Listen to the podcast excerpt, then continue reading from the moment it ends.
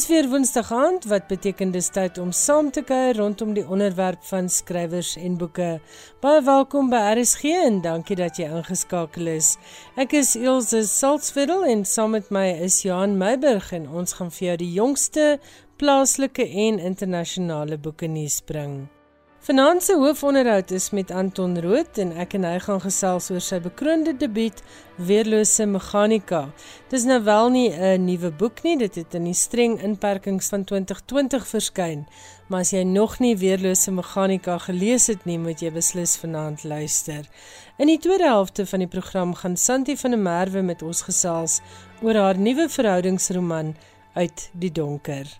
Johan het vir ons nuus oor 'n nuwe boek uit die pen van John Irving en 'n nuwe bundel ou kortverhale uit die pen van Joyce Carol Oates. Johan gesels ook oor die aankondiging deur Britse uitgewers dat boekpryse in Brittanje kan styg, maar daar is ook goeie nuus want daar is interessante nuwe digitale maniere om stories te vertel. Dit dan later in skrywers en boeke.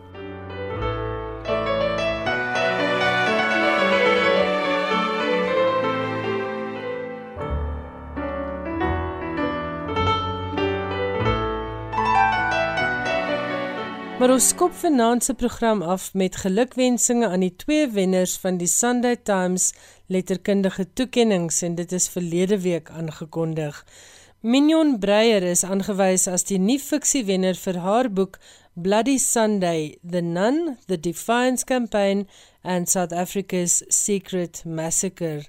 Breyer se boek vertel die ware verhaal van 'n polisieskietery by 'n ANC jeugliga byeenkoms in Duncan Village in Oos-London op 9 November 1952 en daar word beraam dat tot soveel as 200 mense gesterf het daardie dag.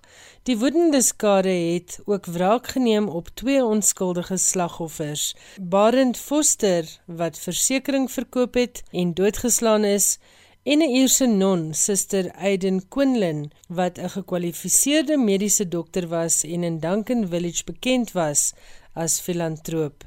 Die beoordelaars van die Sunday Times toekenninge beskryf Breyer se boek as 'n fantastiese werk waarin geen steen onaangeroer gelaat word om die ware verhaal van daardie bloedige Sondag, waaroor eintlik maar baie min bekend was tot dusver, te vertel. Die fiksieprys, dit is nou die Sunday Times letterkundige toekenning vir fiksie, gaan aan Chidiso Moletsani vir sy roman Junks. Beoordelaars het hierdie debuutroman beskryf as 'n tour de force bold, raw and surprisingly elegant gonzo-style writing. Junks word beskryf as 'n wipwaarrit sonder 'n sitplekgordel en vertel die verhaal van 'n jong man wat 'n dagazol deel met Ari, sy sogenaamde imaginary friend. Ari wat 'n sentrale rol speel in die verhaal as die spreekwoordelike duiwel en die engel op die hoofkarakter se skouer, gaan dan saam met hom op 'n rit deur die Johannesburg wat min van ons ken. Iets interessants oor die roman, Moletsani het die heel eerste weergawe van die manuskrip verloor toe hy die slagoffer van 'n motorkaping was en sy skootrekenaar gesteel is. Hy moes alles oorskryf. Bloody Sunday, The Nun, The Defiance Campaign and South Africa's Secret Massacre deur Mignon Breyer word uitgegee deur Tafelberg en Junks deur Chidiso Moletsani word uitgegee deur Umutsi, 'n druknaam van Penguin Random House. Baie geluk aan hierdie twee skrywers wat albei 100 000 rand as prysgeld ontvang. Skrywers en boeke. Alles wat jy oor die boekewêreld wil weet en meer. Nou gaan Johan Meiberg vir ons vertel hoekom Joyce Carol Oates van dese week om twee redes in die nuus is. Die onlangse rolprentweergawe van Blonde, Joyce Carol Oates se fiktiewe biografiese voorstelling van die lewe van Marilyn Monroe wat in 2000 verskyn het, het hom heelwat kritiek op die hals gehaal, onder meer omdat die prent met opset die grense tussen feit en fiksie sou vervaag. Kritici voer veral aan die prent buit die Marilyn Monroe verhaal uit. Intussen het Oates ook van haar laat hoor en die rolprent beskryf as 'n briljante stuk werk wat duidelik nie in almal se kraal is nie. Dit is veral verrassend dat die sterk uitbeelding van seksuele prooi in Hollywood in die post-Me Too era geïnterpreteer word as uitbuiting, het sy gesê. Maar die 84-jarige ouds is ook om 'n ander rede weer in die nuus. Binnekort verskyn 22 van haar onthutsende kortverhale byeengebring onder die titel Extenuating Circumstances. Dit is die verhale van twee huurmoordenaars wat spook om 'n opdrag wat skeef geloop het in 'n klein dorpie reg te trek. Die van 'n meisie wat 'n groei-ongeluk sien gebeur en vir die res van haar lewe met die ervaring gekonfronteer word en die van mediese studente wat met 'n voet sonder die res van die lyf by 'n partytjie opdaag.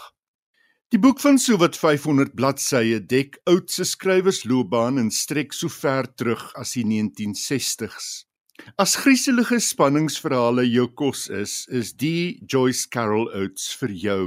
Die uitgewer is Mysterious Press. Baie dankie, Johan.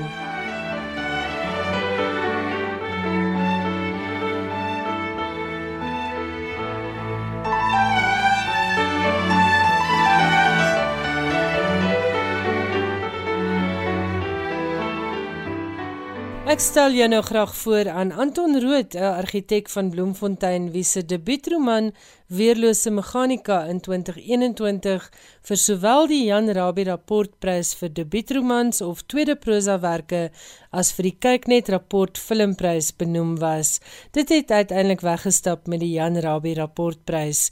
Die boek het tydens die streng inperkingstyd van 2020 verskyn en daarom het jy dit dalk misgeloop. Maar Corneels Breitenberg het weerlose meganika beskryf as onverdinde plesier en die soort manuskrip wat net een keer elke 10 skrikkeljare op 'n uitgewer se lesenaar beland. Goeienaand Anton, baie welkom by Skrywers en Boeke. Hallo Ilse, lekker om met jou te gesels vanaand.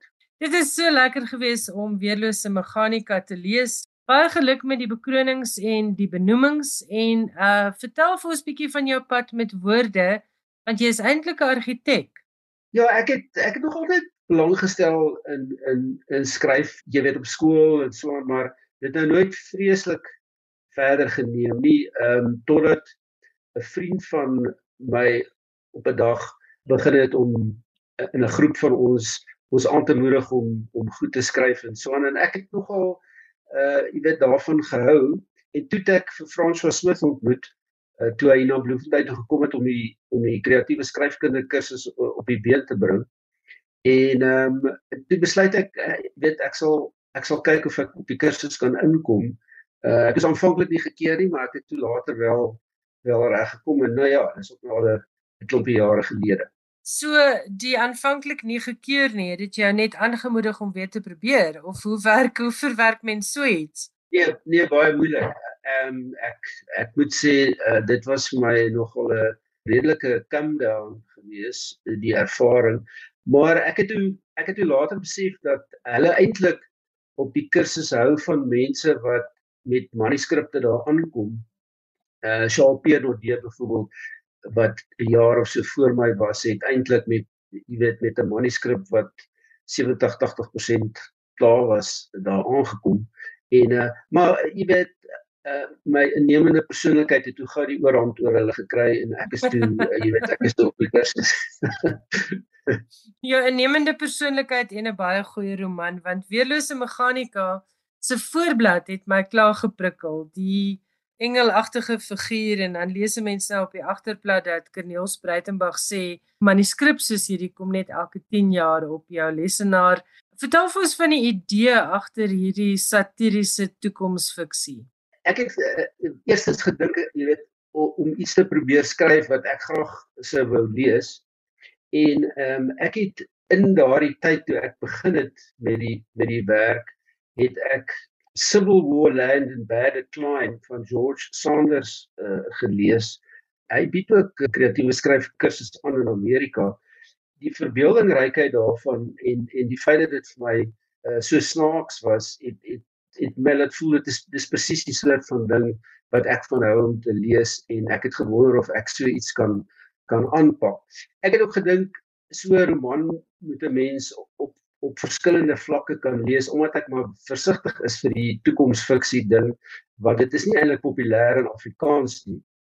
En ehm um, uh jy weet ek hou nogal van die karnavaleske uh idee en en hoe mens daai daardie omgewing kan gebruik eintlik om om sosiale kommentaar te lewer sonder dat mense jou te ernstig opneem, maar jou boodskap kom tog oor.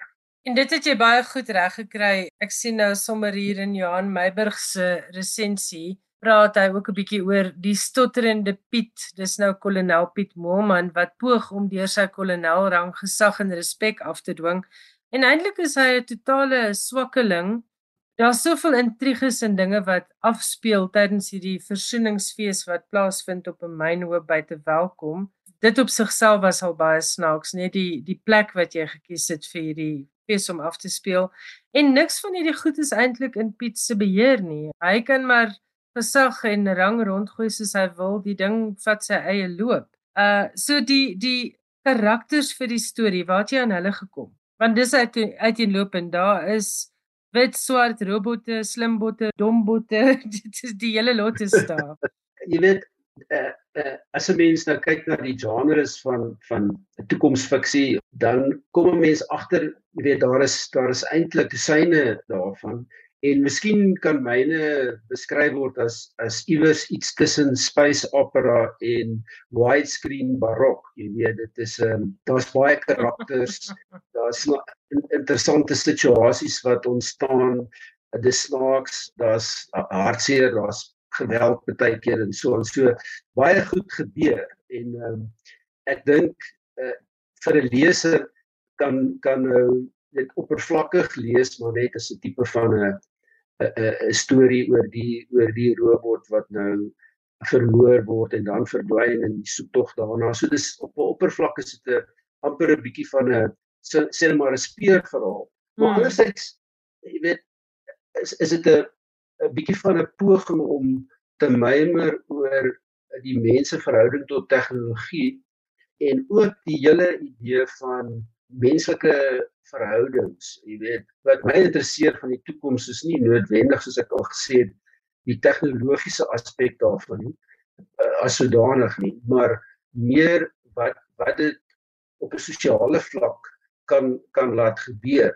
Byvoorbeeld 'n mens dink nou in die toekoms uh as ag alles gaan vooruitgaan en daar gaan vrede en harmonie wees en en goed soos rasisme en en en vroue haat en al hierdie soort van dinge gaan net eenvoudig verdwyn maar ek het 'n idee dit gaan net verplaas word. Soos en dalk uh, vererger. en dalk vererger. So jy weet jy jy het nou hierdie hierdie ehm um, sintetiese wesens. Dis mos nou altyd lekker om hulle af te nou want ek bedoel hulle kan nie eintlik met mense skade aan doen nie. Hulle kan hulle self eintlik nie verdedig nie. En dit is vreemd om te besef maar daar is al reeds wetgewing in Europa wat sintetiese wesens beskerm teen onnodige geweld en so en so. Jy sal nie sommer 'n slimbot kan aanrond en dan dink jy gaan wegkom daarmee. So dis, dis baie alles, interessant. Watter lande is dit? Ek dink is die Europese Unie. Uh, ek het dit ja. in my navorsing uh, raak geloop, jy weet. Ag dit is 'n nou klomp dinge uh, ek was nou nogal verras gewees toe Sonja Loots nou onlangs in 'n totale onverwante rubriek geskryf het oor uh, die Zamazamas en die xenofobie wat wat nou waarskynlik geassosieer word met die optrede teen hierdie mense. En en sy het eintlik uit weerlose meganika aangehaal want dit is eintlik maar wat daar gebeur het met met mense wat weens armoede uitgelewer is aan die swakste omstandighede dan word hulle ook uitgebuit uh, maksimaal jy weet en uh, so dis dis dis alles maniere maar vir my gewees om te dink oor al hierdie goed maar soos soos iemand sê jy weet in jou eerste roman probeer jy maar alles insit want jy weet nie of jy dalk weer een gaan geskryf kry nie jy weet. Ek wil nou vir jou gevra het um, met hierdie uh, sukses en die baie baie goeie resensies het dit jou nou so half 'n bietjie bewend in die broek met die skryf van 'n tweede werk want ek dink dit is 'n verstommende debuut en om so groot indruk te maak op so wye gehoor is nie iets wat met elke tweede skrywer in Afrikaans gebeur nie. Ek moet sê ek ek was self uh, verbaas geweest, maar jy weet hoe gaan dit, is 'n trappe van vergelyking. Jy is eers uh, verbaas dat jy gekeer word vir die kursus en dan is jy verbaas as jy die ding geskryf het en dan is jy verbaas as iemand iemand dit bereid is om dit te publiseer maar ek dink ek was baie gelukkig. Ek aanvaar jy weet die uit, uitgewersbedryf is maar onder druk soos soos baie sektore van van die ekonomie. En 'n mens kan nie net aanvaar dat 'n opvolg uh roman sal noodwendig uh, gepubliseer word nie. Maar ek is besig om aan aan hulle ding te werk. So ons sal hom moet sien Ek wil met jou praat oor hoe hierdie skrywery skakel met jou beroep as argitek en as mense op die internet gaan kyk dan sal hulle ook sien jy ontwerp werklik indrukwekkende goed. Jou eie huis is is lieflik volgens wat ek op die internet sien en wat ek op televisie gesien het. Hoe skakel hierdie verskillende soorte kreatiwiteite want jou boek was ook vol visuele kreatiwiteit. So dink jy die twee voet mekaar? Ek is geneig om so te dink. Uh jy weet die ding van nuwe werk wat wat jy ontwerp is eintlik moet jy jouself in die toekoms verplaas en jy moet jouself indink in daardie gebou om te sê maar goed jy weet en hoe sal dit wees om daar te bly om te wees? So jy moet jouself kan verplaas in daai omgewing. So in 'n sin ontwerp mense 'n soort van 'n 'n wêreld op papier wat driedimensioneel is op 'n rekenaar of in, in jou kop of op papier En om so 'n roman te konstrueer is op 'n vreemde manier nogal dieselfde. Dis al hierdie duisende besluite wat 'n mens moet neem om die ja. omgewing geloofwaardig te maak dat jy die hele spul bymekaar hou. Is maar bietjie met argitektuur dieselfde, weet.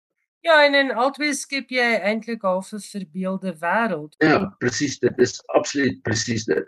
So ek is ook geneig om te skryf en ek dink daar's baie mense wat dit doen is visueel. So jy weet ek is in daardie omgewing en ek sien die karakters optree en 'n plek en kleure en reuke en al daai soort van goed is vir my uh, belangrik om die atmosfeer van die ding uh, vas te vat. Jy weet as jy iets lees soos um, Paul McCarthy se werk en so aan hoe met ontsettende min woorde eintlik hierdie onheilspellende omgewing se goed kan skep mense is eintlik nie presies seker hoe dit doen nie, maar uh jy weet uh, ek probeer om 'n soort gelyke tipe situasie of atmosfeer te skep.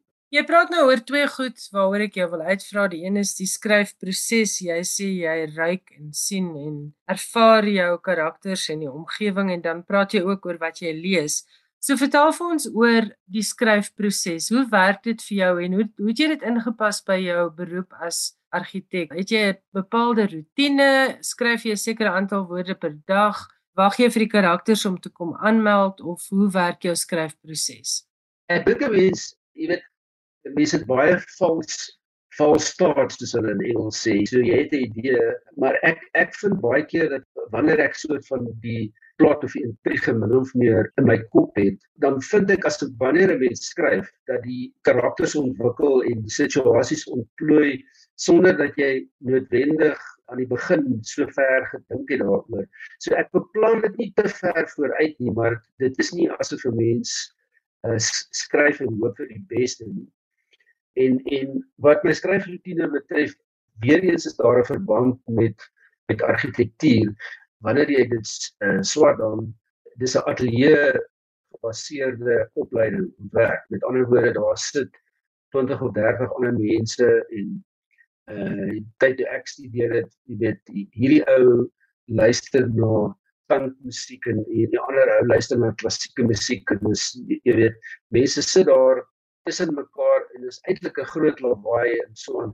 En dan leer jy eintlik om onder onder alle omstandighede werk gedoen te kry want die tyd raak net op en daar is 'n spertye wat moet uh, behaal word en so en so. Ek skryf maar wanneer ek kan tussendeur. Ek sou graag wou sê net maar van 8 tot 1 skryf en in die middag 'n bietjie lees of skilder of teken of wat ook al. Maar dit is 'n luukse wat ek nie het nie. So ek moet maar oor naweke probeer ek 'n bietjie werk inkry en so. En dis ook hoekom ek so stadig vorder. Rudy van Rensburg is 'n goeie vriend van my. En ehm um, dit slaan my asem weg met die soort van 21 reëlmaat wat hy boeke publiseer. Ek kan nie so werk nie. Dit uh, ek vat En dan is dit En dan is dit oneentonige boeke, né? Nee, dis wat mense so half kwaad maak vir Rudy vir wie ek baie lief is. Hy draai hulle uit en die een is so fascinerend soos die volgende een.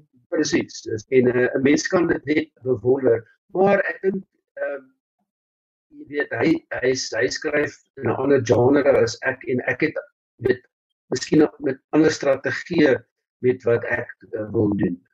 En ook Rudy is afgetree. Hy het baie meer skryftyd as jy wat ek aanneem nog steeds ontwerp. Ja, nee, dit ek weet argitektuur sê baie mense is eintlik 'n ou mans professie.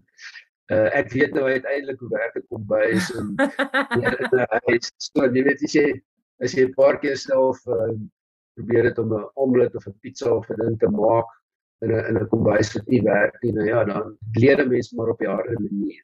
Okay, nou wil ek weet jy het gepraat van skilder en jy sê Rudy is 'n vriend van jou. Skilder jy ook so mooi soos Rudy? Mooi is seker nou een van daai gevaarlike woorde. Ja, ja. Maar uh, ek is dis eintlik my eerste liefde is is is kuns, jy weet. Ek is uh, dis iets wat ek eintlik van kleins af al doen in in soms op 'n Saterdag het ons so 'n klomp mense dan doen ons uh, jy weet figuurtekeninge uh, wat ons 'n model kry en ons in ons uh, in ons teken uh, want jy weet ek het nog altyd gesê as as jy 'n mens kan teken kan jy enigiets teken so dis 'n baie lekker ding om om te doen maar ek gaan beslis nie nou inskryf vir kuns weer en en probeer om 'n om 'n derde loopbaan daar uit te maak. Ek sal moet tevrede wees om 'n Sunday painter te bly. Uh van dit gepraat, jou voorblad was werklik treffend. Het jy insaag daarin gehad? Het jy 'n idee gehad van hoe jy dit wil hê of het dit ook maar ontwikkel so saam met die boek? Toe ek Frans sê dat jy weet ek wil graag my eie boek se omslag ontwerp. Toe sê hy vir my, "Jong, jy kan dit probeer, maar uitgewers steur hulle nie aan skrywers se idees uh, oor oor buiteblaaie uh, en so aan nie en uh, jy weet hulle het hulle eie mense wat hierdie soort van gedoen. Maar toe ek met Etienne praat en ek sê toe vir hom kyk, ek het hierdie idee vir hierdie buiteblad, ek het hierdie ou Italiaanse poskaart gekry met hierdie vreemde engelfiguur op wat 'n soort van 'n kyk in haar oë het wat nogal uh, op 'n manier onrusbaar is aan die een kant en en en, en en onpylbaar is op 'n manier. Jy weet ek ek dink ek kan iets daarvan maak in in uh, my seun en ek het dit op mekaar gesit en hulle was uiteindelik baie gelukkig daaroor en en heelwat mense het vir my gesê dat hulle die boek opgetel het uh, as gevolg van die omslag. En um, ek het selfs 'n foto gekry van van uh, Pieter Matthews 'n kollega van my in Pretoria wat vir my 'n foto gestuur het van die boek uh, in in exclusive books daar wat onder die uh, uh, godsdienstige boeke um, gelees het. wat ek het nogal dink uh, afgetrede dominee wat hom per ongeluk raakvat sou dalk uh, redelik ontstook gewees as hy bietjie daardeur blaai. Maar ja, ek ek ek, dink ook so, maar ek moet sê die voorblad laat 'n mens die boek optel en en die Engelse kyk is nie net uh, onpylbaar. Dit soos jy sê bietjie onrusbarend want jy wonder wat se bose gedagtes het die vrou. Maar daar's ook 'n 'n klein dogtertjierige um onskuld in hierdie gesiggie. Dit is daar's 'n ja, klomp emosies net in haar oë vasgevang. Ja, en dit is jy weet dit as 'n idee het my nogal gefassineer want jy weet baie keer wanneer jy na hierdie uh, uh rekenaar gekonstrueerde figure kyk in in in in speletjies en in, in rekenaarspeletjies en so aan. Dit is baie baie moeilik om daai soort van uitdrukking met 'n rekenaar uh, te kry. Moet trouens ek dink waarskynlik onmoontlik. So dit het my geïnteresseer om te sê uh, dit sal nogal ontstellend wees as hulle dit kan regkry om so 'n produk te vervaardig wat daai soort van kyk in in in in haar oë kan hê. Ja, en daar's ook 'n onnutsigheid in daai oë. Daar's 'n ding wat jy nie weet hoe gaan hierdie mens reageer nie, wat ek dink tog wel ook um interessant is gegee dat robotte eintlik geprogrammeer word om presies op te tree soos wat mense verwag. Maar ons sien dit ook in jou boek, dit werk nie altyd so nie. Een van die goed wat ek persoonlik snaaks vind altyd is die goed wat wat skeefloop. Die feit dat sy nou wel geprogrammeer is met die WAT maar daar is nou sekere bande wat ontbreek of wat net nie wat dit vir een of ander rede net nie opgelaai is nie. Nou Nou dink ek die die Robert sekere woorde kan sy nie gebruik nie want dit is dit is nie in haar sagte ware nie. Jy weet dis daai soort van van tipe probleme wat wat wat wat mense op 'n dag tot dag met tegnologie ervaar. Jy dink jy goed maak jou lewe makliker, maar soms kompliseer dit jou lewe want die ding werk nie soos hy moet nie ensovoorts. So jy weet dis miskien 'n bietjie 'n kommentaar daarop ook. En dis nog 'n plek waar mens baie keer regtig hardop lag in die boek. Mense lag ook baie vir Colonel Molman want wel hy kyk snaaks na die lewe, maar nou wil ek met jou praat net vinnig ter afsluiting oor wat jy lees. Mens kan sien wanneer 'n skrywer ook 'n leser is. Wat lees jy graag? Ek probeer in die jongste tyd uh, meer Afrikaanse boeke lees, maar ek hou nogal eintlik baie van geskiedenis. Jy weet ek dink toekomsfiksie is dikwels dit meer met die verlede te doen as met die toekoms want dit is 'n nostalgiese soort van ding want as gevolg van die van die feit dat wanneer die wanneer jy vir mense sê daar gaan sê net maar 20 jaar nie meer bome wees of so iets nie dan dan is is is kyk mense skielik weer en sê sjoe ja dit is eintlik nogal mooi die bome. So dit is maar die doel daarmee. Maar ja, ek ek hou van skrywers soos George Saunders en ek is ingeteken op die Paris Review daar's altyd baie interessante kortverhale van onbekende skrywers dikwels wat baie inspirerend eh, vir my is en uh, ek is natuurlik 'n groot aanhanger van Etienne Leroux uh, wat ek dink eintlik 'n baie beter erkenning, groter erkenning behoort te geniet in Afrikaans as as wat hy doen want hy's hy's baie snaaks en hy hou ook daarvan om hierdie absurditeit van die lewe uit te buit op op 'n baie snaakse manier. So ek geniet sy werke en herlees dit van tyd tot tyd. Al 'n paar boeke daar voor my bed. Ek ek lees so van tyd tot tyd 'n storie in die die Cameron van Boccaccio veral omdat dit mm -hmm. dit speel af in die tyd van die die sogenaamde Black Death. So dis ook 'n tipe COVID situasie en hoe die mense hulle vermaak het en so en daar's geweldig eintlik interessante parallelle met ons eie tyd en in 'n in 'n boek wat in 1300 met iets geskryf is. En dan 'n ander boek wat ook 'n groot invloed op my idees het is Rabelais se uh, Gargantua en Pantagruel uh, van hierdie twee karakters wat so deur die land reis en al hierdie absurde situasies waarin hulle hulle self bevind. En so en die boek is ook geskryf in die middeleeue met die mees banale en opseene tonele wat jy jou kan bedink. En ehm um, dit het alles te doen met hierdie idee van die karnavaleske wat wat die karnaval is 'n tyd waar mense die middeleeue toegelaat is om enigiets te sê wat hulle wou uh, as dit ware as 'n soort van 'n uitlaatklep en um, ek dink wanneer 'n mens uh, jy weet in Suid-Afrika bly en in die, in die wêreld in die algemeen om jou kyk dan uh, weet mense uh, raak desperaat en dan sê hulle onbesonde goed op sosiale mm. media maar as jy satire byvoorbeeld gebruik, dan kan jy eintlik al hierdie goed van jou hart af kry en mense word op die koop toe vermaak daardeur. En mense bekroon jou boek. ja. Ja, dit is uh was eintlik ehm um, um, en dit was nogal snaaks geweest dat ek en François Smith was in dieselfde kategorie benoem en hy was my dosent geweest. Ja, maar gelukkig eh, is hy ehm um, uh, 'n fantastiese persoon. So sy mentorskap en aanmoediging beteken vir my baie. En so sê Anton Rood, skrywer van Weerlose Meganika. Dit word uitgegee deur Tafelberg. En soos altyd, onthou as jy nie 'n boek dadelik op jou plaaslike boekwinkel se rakke sien nie, vra asseblief dat hulle dit vir jou bestel. Nou is dit Johan Meiburg se beurt om vir ons te vertel wat in die Britse uitgewersbedryf aan die gang is. Uitgewers in Brittanje het lesers daarop begin voorberei dat die prys van boeke aansienlik gaan styg. Die stygings word toegeskryf aan groot energie en papieruitgawes. Die uitwerking van Brexit is nog een van die redes wat aangevoer word en die stygings word in die stadium geraam op 10 tot 20%. Hoewel dit 'n uitgemaakte saak is dat lesers meer in boekwinkels sal moet opdok, probeer uitgewers om uitgawes so laag as moontlik te hou. Dit beteken onder meer dat herdrukke nie meer so gereedelik gedoen sal word nie, dat uitgewers minder titels gaan uitgee en dat die papiergehalte ingeboet gaan moet word. Goedkoper en dunner papier dus. Die een se dood is die ander se brood, lei die spreekwoord. En in die dae van duurder boeke kan die digitale domein weer 'n uitkoms bied.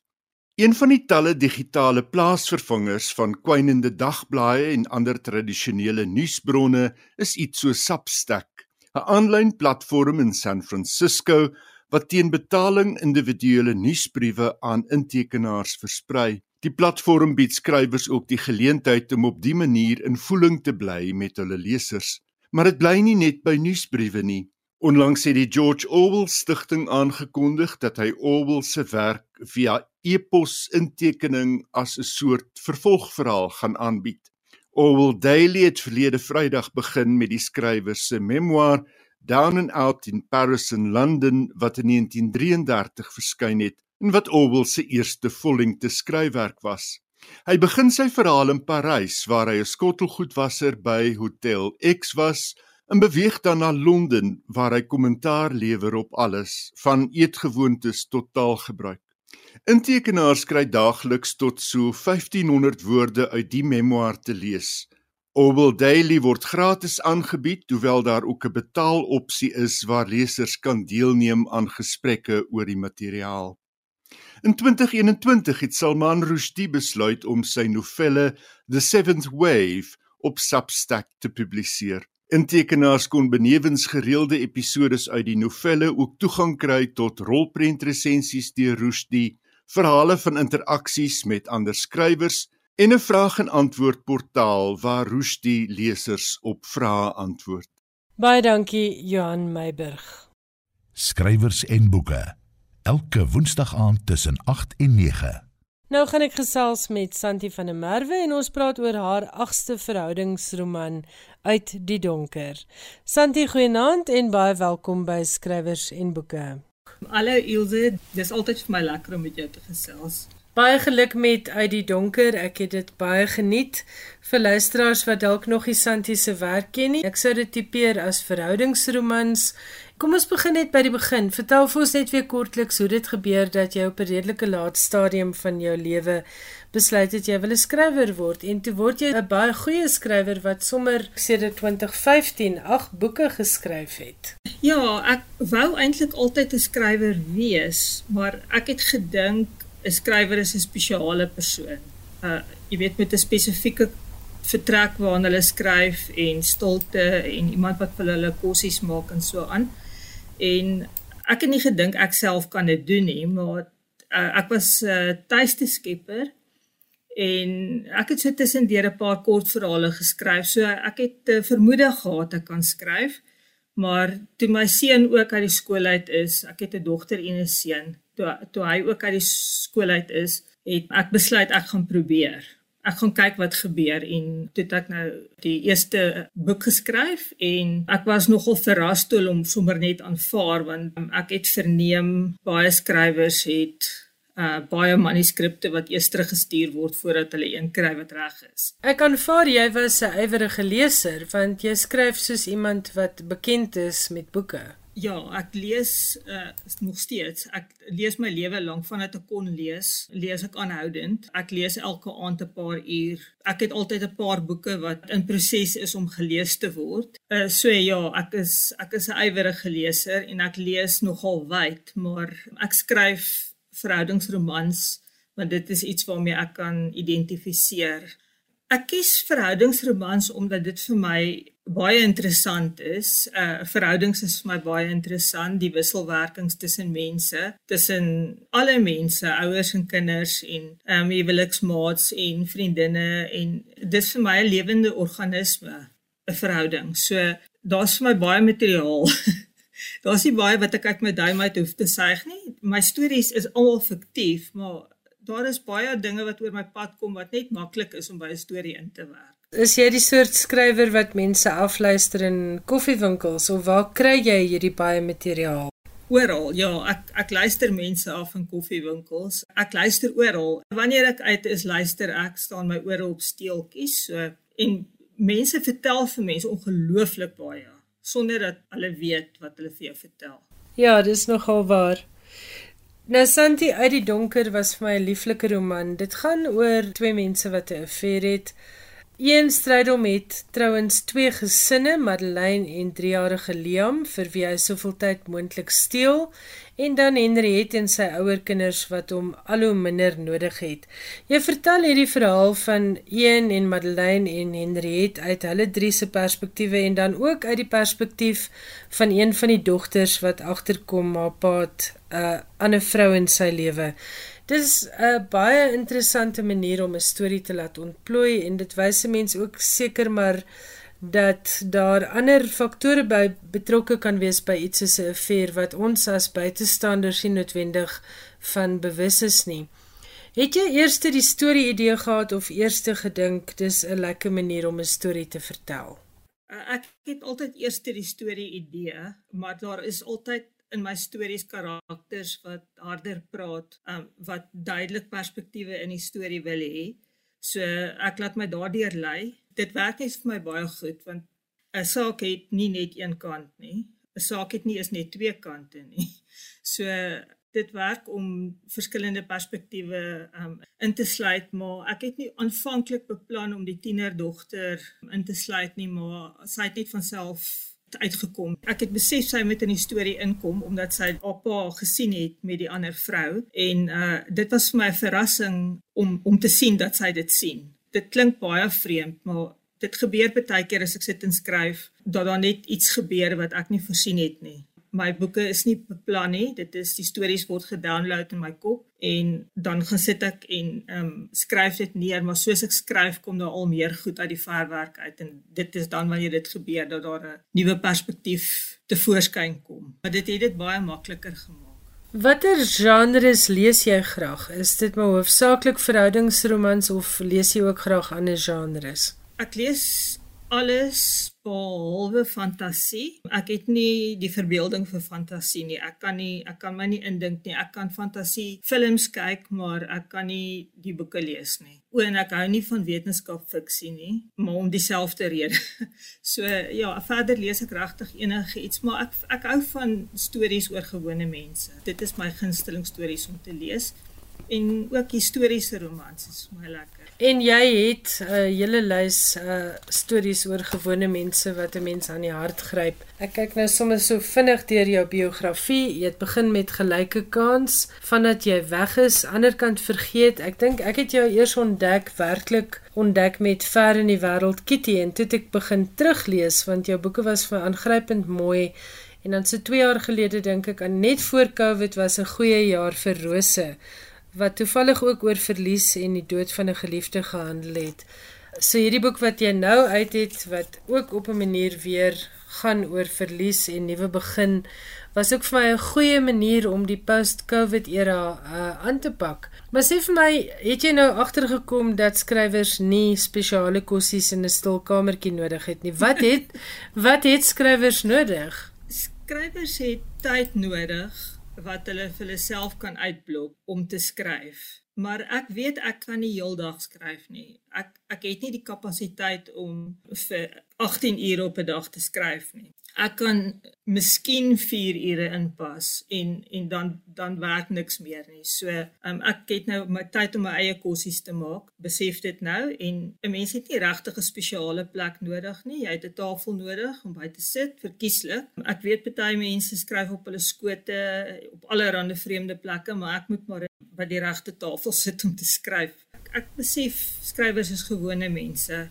teen hierdie tyd en jy pas maar jou skryfwerk in by jou dag want daar's soveel skrywers veral in Afrikaans wat ander beroepe het behalwe dat hulle skryf en hulle kry dit reg so uh, ek wat net 'n skrywer is uh, het genoeg tyd om dit te doen. Jou jou temas draai altyd om mense.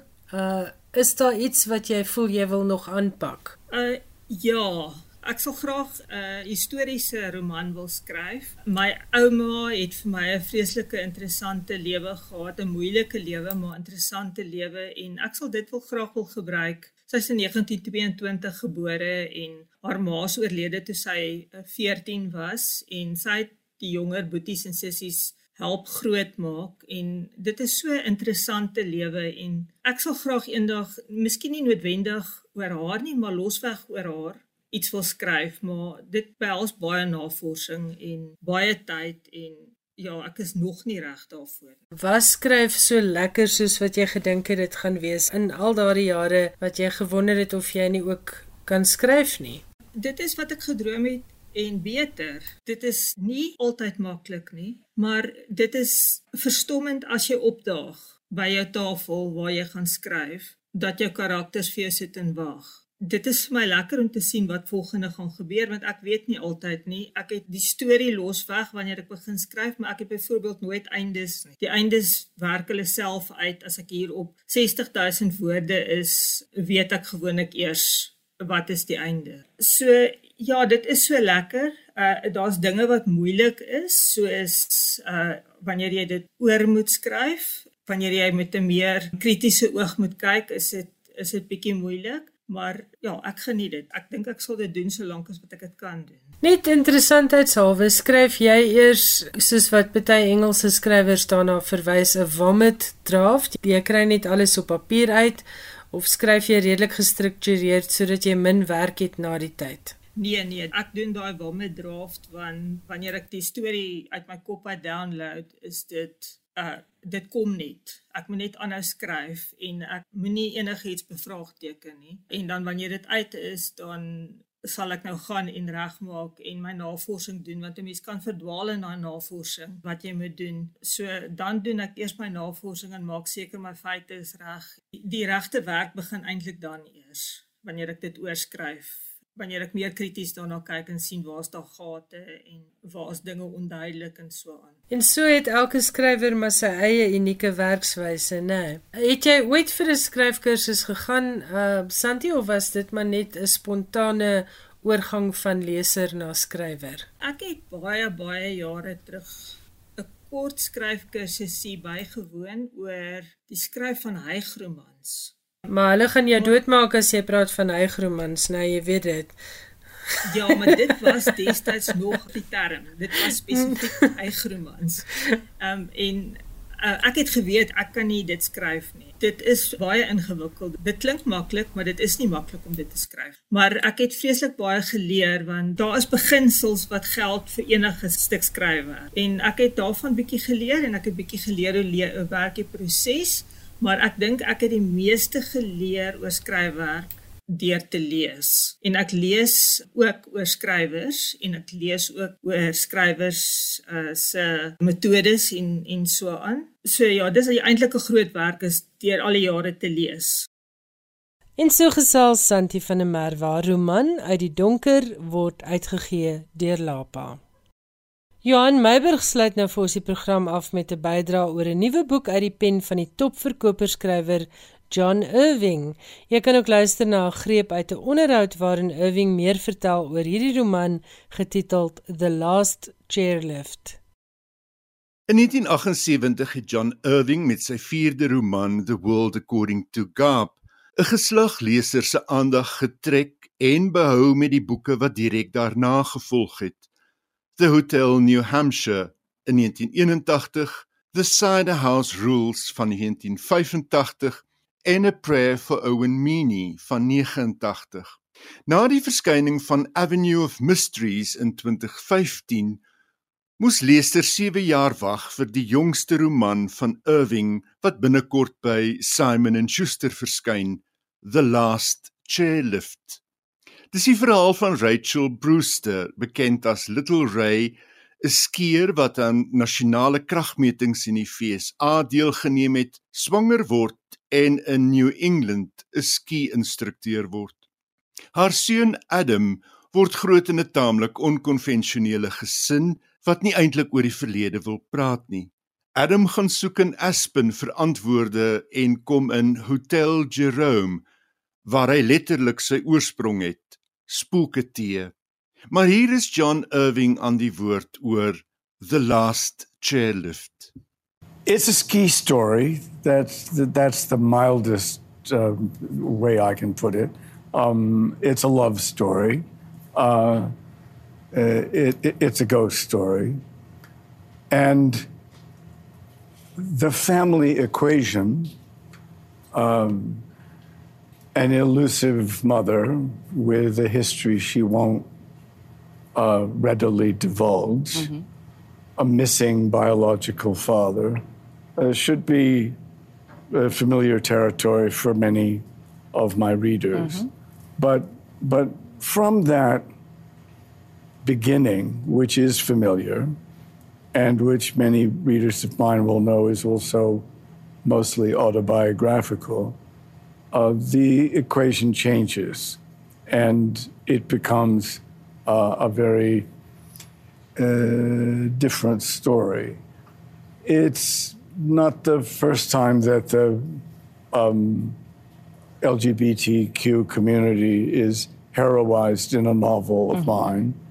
But in Adam's family, um, he's the only straight person in it. In his extended family, I'm counting two, including his cousin and his cousin's uh, girlfriend. Um, uh, his family is queer, mm-hmm. but in his family, Adam is the odd one. Um, and no surprise, um, the straight guy is the most badly behaved sexually of every member of his family. And like all my novels, but this one I think more so, there is a sizable fear for the vulnerability of these queer characters in a world that is still hostile mm-hmm. um, and intolerant of sexual differences. Um, there is a sense of something bad potentially happening. And it's no surprise, and I'm a, a worst case scenario writer. Um, something will, something, something does.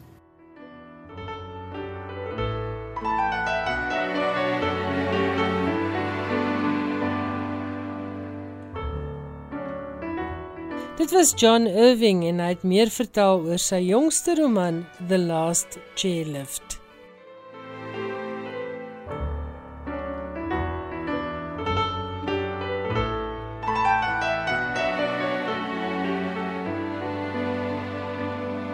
Ongelukkig het dit nou tyd geword om te groet, maar volgende Woensdag aand is ek en Johan Meiburg weer terug met nog 'n aflewering van skrywers en boeke. Tot dan, geniet jou week, pas jouself mooi op en soos altyd, lekker lees. Totsiens.